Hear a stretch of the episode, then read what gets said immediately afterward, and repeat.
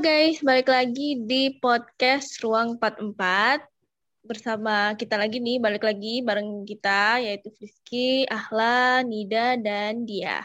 Nah, kali ini kita juga mau bahas sesuatu yang nggak berbeda dari kemarin, yaitu hari ini judulnya organisasi atau akademik.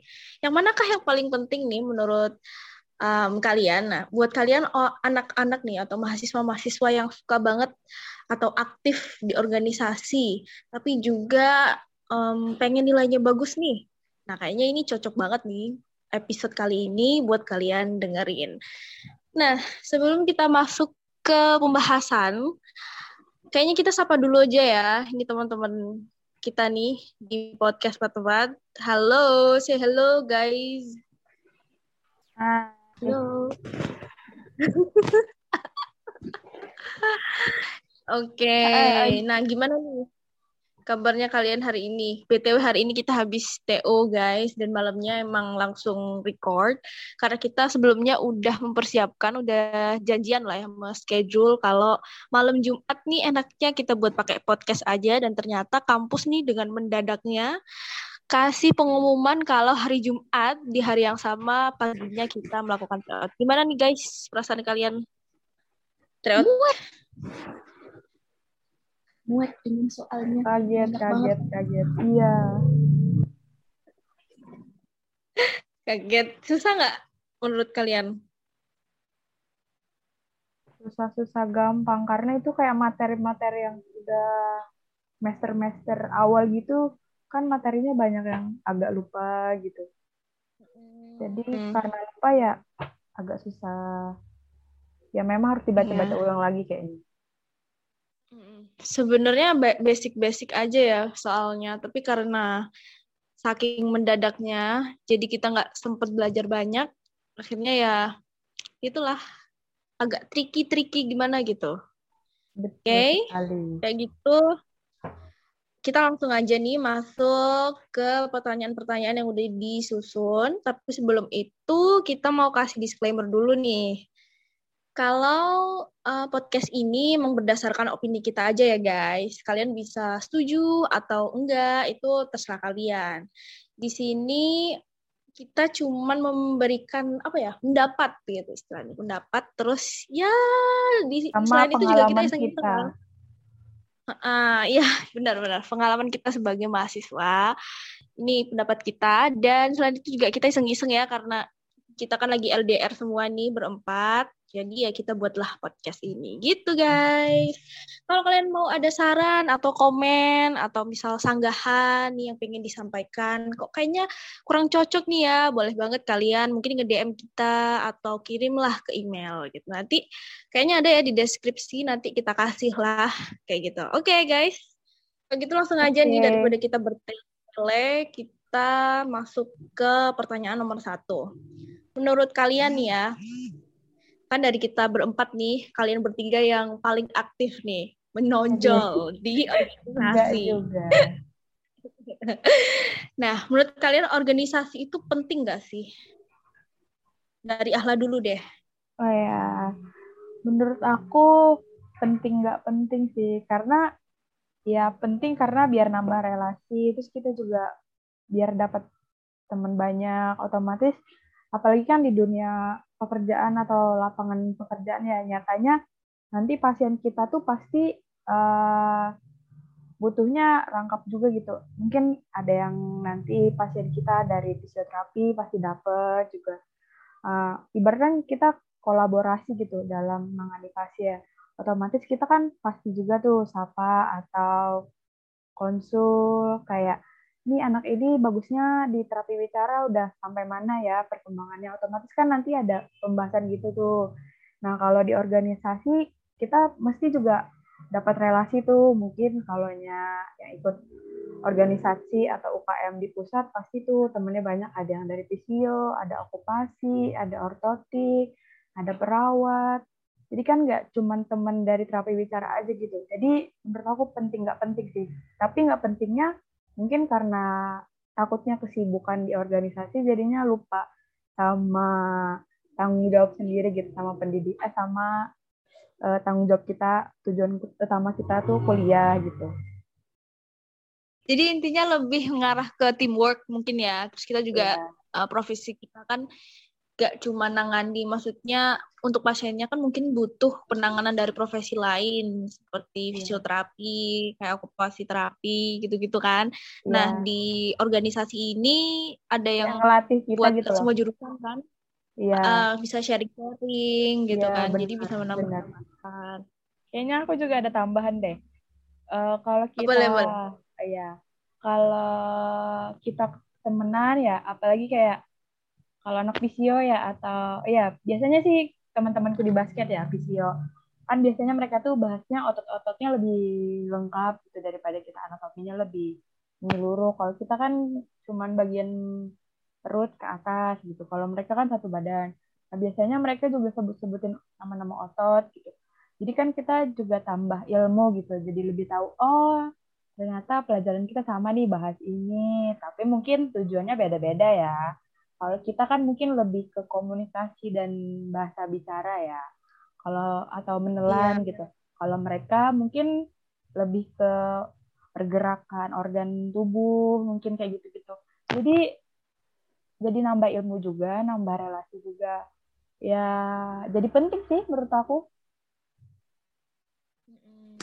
Selain menambah wawasan juga kayak melengkapi satu sama lain gitu ya. Iya betul, biar jadi ada apa sih komunikasi yang terjalin gitu. Kayak ngebiasain dulu gitu dari mahasiswa kan, nanti kan kalau udah kerja juga pasti kita komunikasi atau kolaborasi sama uh, tenaga kesehatan yang lain kayak okupasi, mungkin ortotik atau fisio tuh pasti kan di lapangan nggak nggak mungkin kita jalanin atau ngerjain pasien itu sendiri aja gitu pasti sama keterlibatan mereka juga gitu. Sebelum kita dapat pasien ternyata pasiennya itu masih butuh okupasi atau butuh visio. Kita kan punya teman-teman yang dari jurusan lain mungkin bisa dirujuk ke mereka-mereka kalau mereka kan mesti ada punya channel apa hmm, uh, apa sih profesinya masing-masing semua walaupun nggak bisa satu kota mesti punyalah relasi yang satu kota dengan kita. Semama oh kamu di sini itu tuh yang bagus di sana. Oh ini ada di sini gitu. Mungkin bisa jadi ya memang bisa sih. Menggit, ya bisa channel itu. Oh. terus kalau untuk organisasi yang semacam BEM atau DPM lah yang semacamnya itu kan mungkin bisa membantu skill public speaking kita mungkin ya. Terus apalagi ya? Hmm, Bener tapi nih, ya kayak punya kamu tadi loh. Kalau misalkan nih pasien kita mungkin dari Kalimantan ya mau pindah rumah nih ke Jawa, mm kan bisa nih kita rekomendasi ini lomba di Jawa Tengah ada Mbak Nida terapi bicara juga yang bagus. Bisa kan? Hmm. Jadi langsung dirujuk aja ke situ karena oh Mbak Nida ini teman saya dia bagus nih orangnya. Jadi kan nambah rezeki juga nantinya. Gimana sih cara bagi waktu antara mengikuti kegiatan organisasi atau akademik? Dari siapa nih yang mau jawab? Kayaknya ini lebih lelang, lelang. Mbak Nida deh, karena Mbak Nida yang lebih banyak mengikuti organisasi-organisasi okay, dan UKM. Ya, silakan Mbak Nida. Enggak kok, enggak banyak, cuma dua. Ih. Sama tuh dengan Mbak Di yeah. sama Mbak Dia. Mantap. Hmm, Boleh diceritakan sih, Mbak Nida? Bagi waktu ya. Sebenarnya ya. untuk organisasi yang aku sendiri ikutin tuh waktunya mesti setelah setelah usai dari jam matkul sih. Jadi kebanyakan nggak terlalu membuat hmm, apa membuat ribet di bukan ribet sih terlalu berpengaruh sama mata kuliah. Jadi aku nggak merasa terlalu terbebani karena kebanyakan kegiatan-kegiatannya itu setelah setelah jam matkul sendiri. Mungkin adalah yang kita apa ambil waktu matkul itu kayak semama ada acara besar yang memang mengharuskan untuk izin izin nggak ikut matkul ya paling uh, ya kita ikut aja ya? organisasinya. Mm -mm, dispensasi.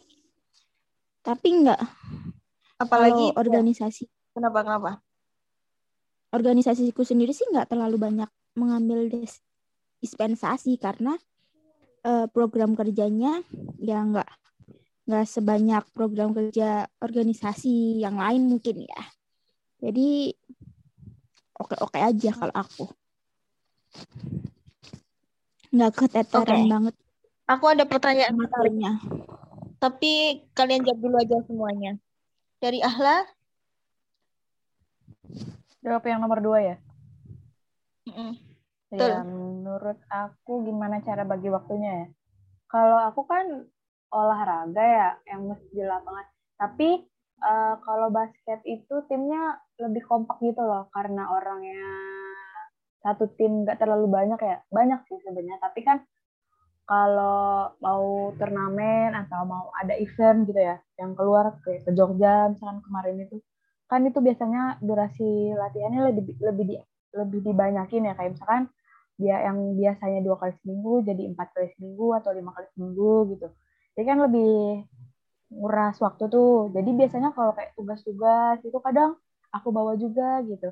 Jadi sambil di lapangan sambil ngapalin materi atau lagi pas istirahat tuh atau uh, pelatihku lagi ngomong materi tentang strategi buat event nah sambil gunting-gunting biasanya kan ada tugas-tugas gunting warna-warna Nah, sama tambah tadi mm -hmm. tuh kalau kita punya relasi yang banyak karena tim aku kompak ya, tim basket aku. Jadi biasanya kayak warnain itu kayak bareng-bareng. Soalnya kan hiburan juga tuh anak FT lagi habis UAS, liburannya warnain yeah. tim aku. Nah, jadi itu sih uh, sebenarnya bagi waktunya mudah aja gitu. Kalau gitu aku punya pertanyaan. Aku punya pertanyaan nih guys. Selama pandemi ini kan pasti online Nah, apakah kan pasti uh, kegiatan organisasi kan pasti di rumah aja nih. Kita semua pulang kampung, jadi monitoringnya dari online. Apakah hal semacam ini nih, yang yang online online ini gara-gara pandemi bisa me, apa ya, menguntungkan kalian untuk mengatur jadwal atau malah bikin tambah pusing? Siapa nih mau jawab duluan? Nah, kalau buat aku ya, mempersulit banget soalnya kalau KSR itu kan kebanyakan di lapangan ya dan pelatihan pelatihan kayak uh, minta pelatihan terus belajar-belajar dari online tuh sangat-sangat tidak enak.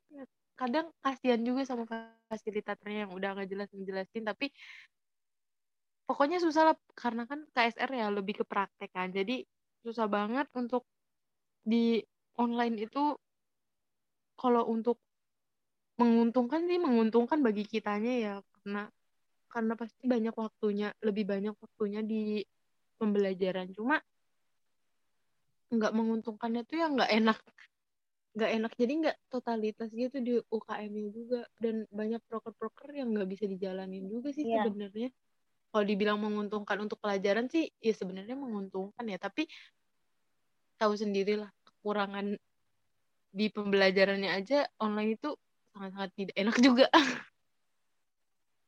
Iya, ya, berarti emang ada plus minusnya lah ya. Tapi kalau yeah. untuk um, UKM yang langsung action nih, langsung ke lapangan itu uh, kebanyakan merugikan gitu karena ada beberapa jam yang harus dipenuhi kayak gitu kan. Yang selama di lapangan pelatihan-pelatihan, contohnya kayak gitu. Sekarang pertanyaan, pertanyaan ketiga nih guys apa hal yang sulit dalam mengatur waktu antara keduanya? Hambatannya apa nih? Hmm, kalau pramuka sendiri kan, kalau aku ya, pramuka sendiri itu kan UKM pusat nih. Jadi otomatis eh, anggotanya nggak cuma dari terapi bicara dan mesti apa ya eh, rapatnya nggak mesti di kampus satu, bisa aja di kampus dua, kampus tiga, dan mungkin susahnya jaraknya. Terus waktu, mesti kan kalau rapat-rapat itu mesti sore. Kalau sampai ke kampus tiga itu mesti pulangnya jam 9 malam. Ya, mungkin Hmm, ya. orang-orang yang tidak bisa malam ya susah atau apa sih keluar-keluar malam gitulah kayak perjalanan malam ini susah tapi ya eh, kembali lagi mesti ada untungnya karena kita bisa sampai ke sana kan kayak oh kita tahu nih kampus tiga di sini oh ternyata kampus tiga itu isinya kayak gini atau oh di kampus dua ini tuh kayak gitu sih. Yang sulitnya mungkin ya untuk eh mungkin ada rapat atau mungkin ada apa namanya proker yang mengharuskan kita keluar dari lingkungan kampus kampus kita masing-masing gitu loh. Mungkin ya itu sulit. Eh, mengaturnya ya ya itu balik lagi kayak Mbak Diah lihat mana yang lebih penting dulu pernah waktu itu ada proker kemah kalau nggak salah terus ada matkul di swagia ya yang untuk kita masak-masak itu pun eh, Ya, anak-anak kayak Nah, eh, mm-mm. NDD apa sih bacanya nggak tau lah NDD Maaf Nida, Kenapa ketawa? numpang ketawa aja. Oh iya, silakan. Aku nih nih. Iya, kan ada tuh suruh praktek memasak eh, level apa konsentrasi sesuai kelompoknya masing-masing tuh. Anak-anak pramuka yang jurusan terapi bicara sendiri eh, jadi izin dulu tuh yang di pramukanya kita bantu masak walaupun mungkin eh, pas presentasinya kita nggak ikut, tapi setidaknya kita membantu pas waktu membuat makanannya itu. Bisalah di dilihat mesti kita bisalah melihat mana yang lebih penting mana yang bisalah nanti gitu.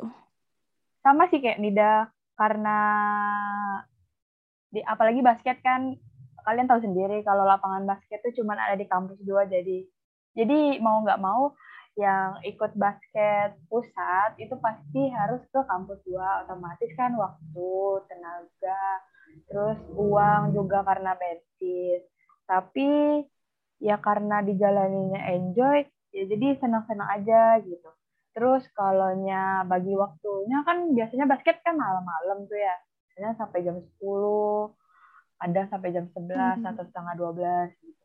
Tapi gimana biar tetap bisa kuliah nggak ngantuk gitu. Saya kadang tidur dulu mungkin sore-sore kan habis kuliah tuh jam 2 atau jam 3 kita kan biasanya udah pulang tuh kalau nggak ada kuliah blok. Nah di situ biasanya tidur dulu jadi kan nanti eh, nggak terlalu banyak eh, kepake waktunya buat latihan aja gitu. Badan juga nggak terlalu ngeporsir buat bangun terus kan kan porsinya manusia kan ada yang namanya juga istirahat. Jadi istirahatnya lebih dulu gitu loh siang. Baru nanti malamnya latihan. Jadi nggak terlalu ngantuk. Dan besoknya juga nggak terlalu ngantuk dan capek gitu. Itu aja sih kayaknya.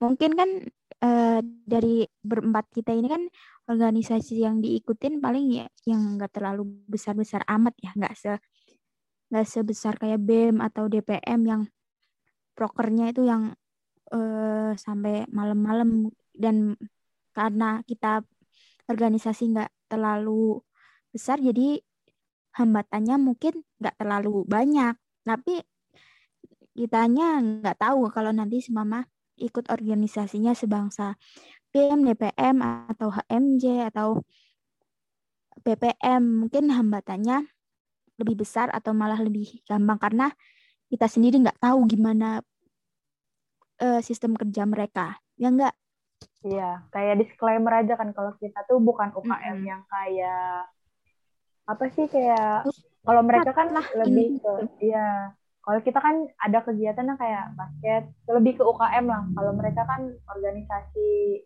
kampus. Oh iya benar. Iya benar.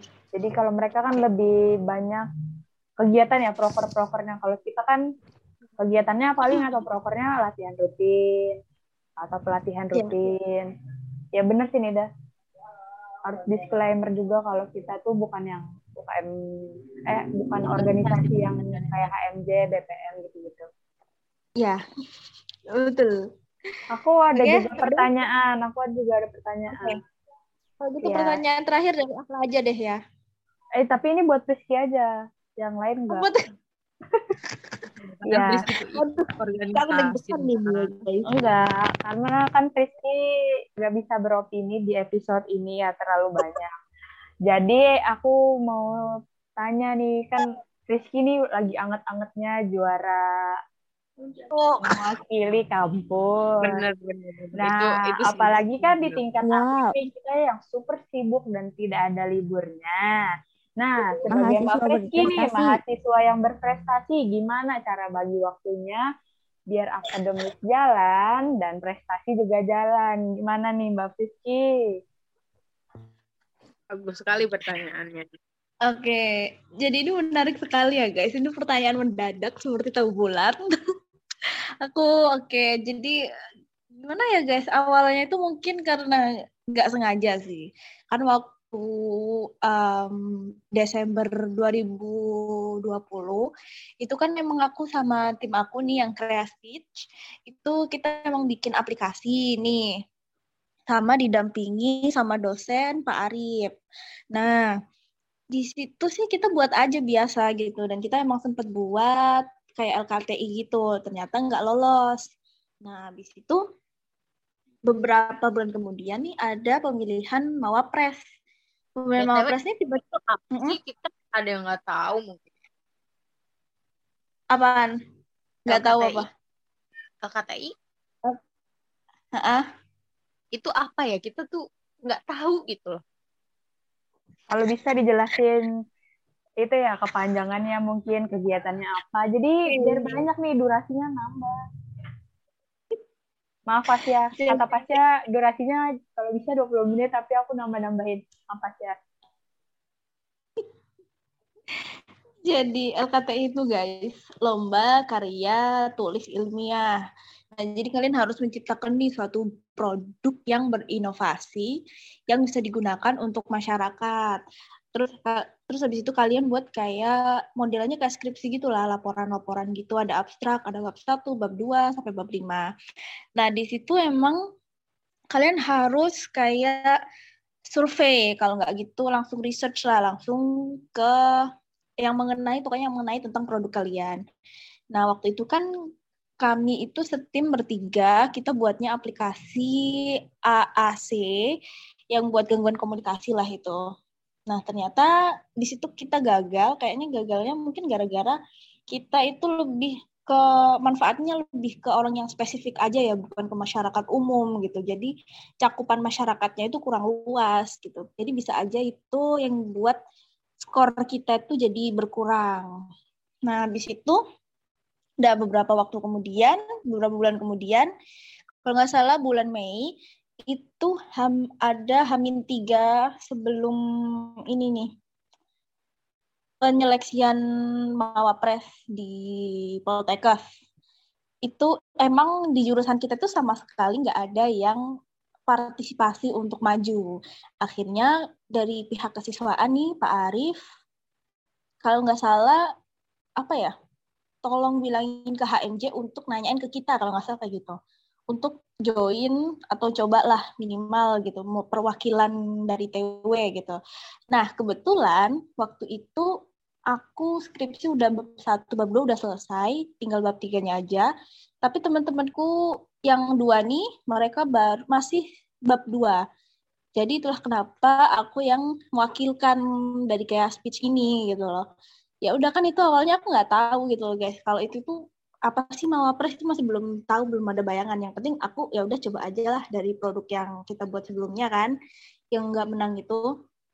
Aku coba buat persyaratannya lah itu selama tiga hari kayak buat video presentasi bahasa Inggris, laporan, terus sama ngumpulin kayak dokumen-dokumen berkas-berkas gitu. Akhirnya beberapa waktu kemudian ini pas Hamin dua kalau nggak Hamin satu aku sempro itu Pak Arif tiba-tiba nge-PC aku suruh buat presentasi tentang produk.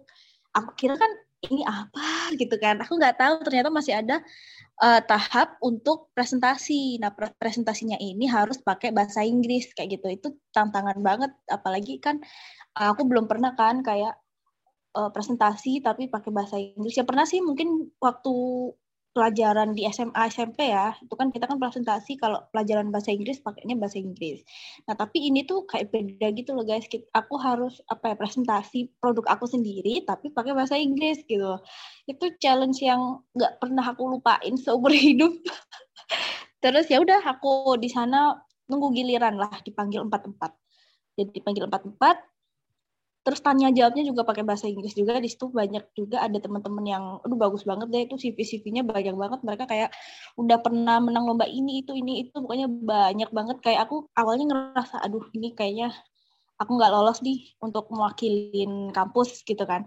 Nah tapi mungkin sayangnya mereka itu jawabnya setengah-setengah gitu loh. Jadi setengah bahasa Inggris setengahnya lagi bahasa Indonesia. Ada lagi yang jawabnya itu mereka itu kayak lama gitu loh. Jadi ada juri tanya nih ya, dia jawabnya tuh kayak 15 menit eh 15 menit 15 detik kemudian baru bisa jawab. Nah, yang kayak gitu kan uh, kurang lah ya, bisa mengurangi nilai lah intinya.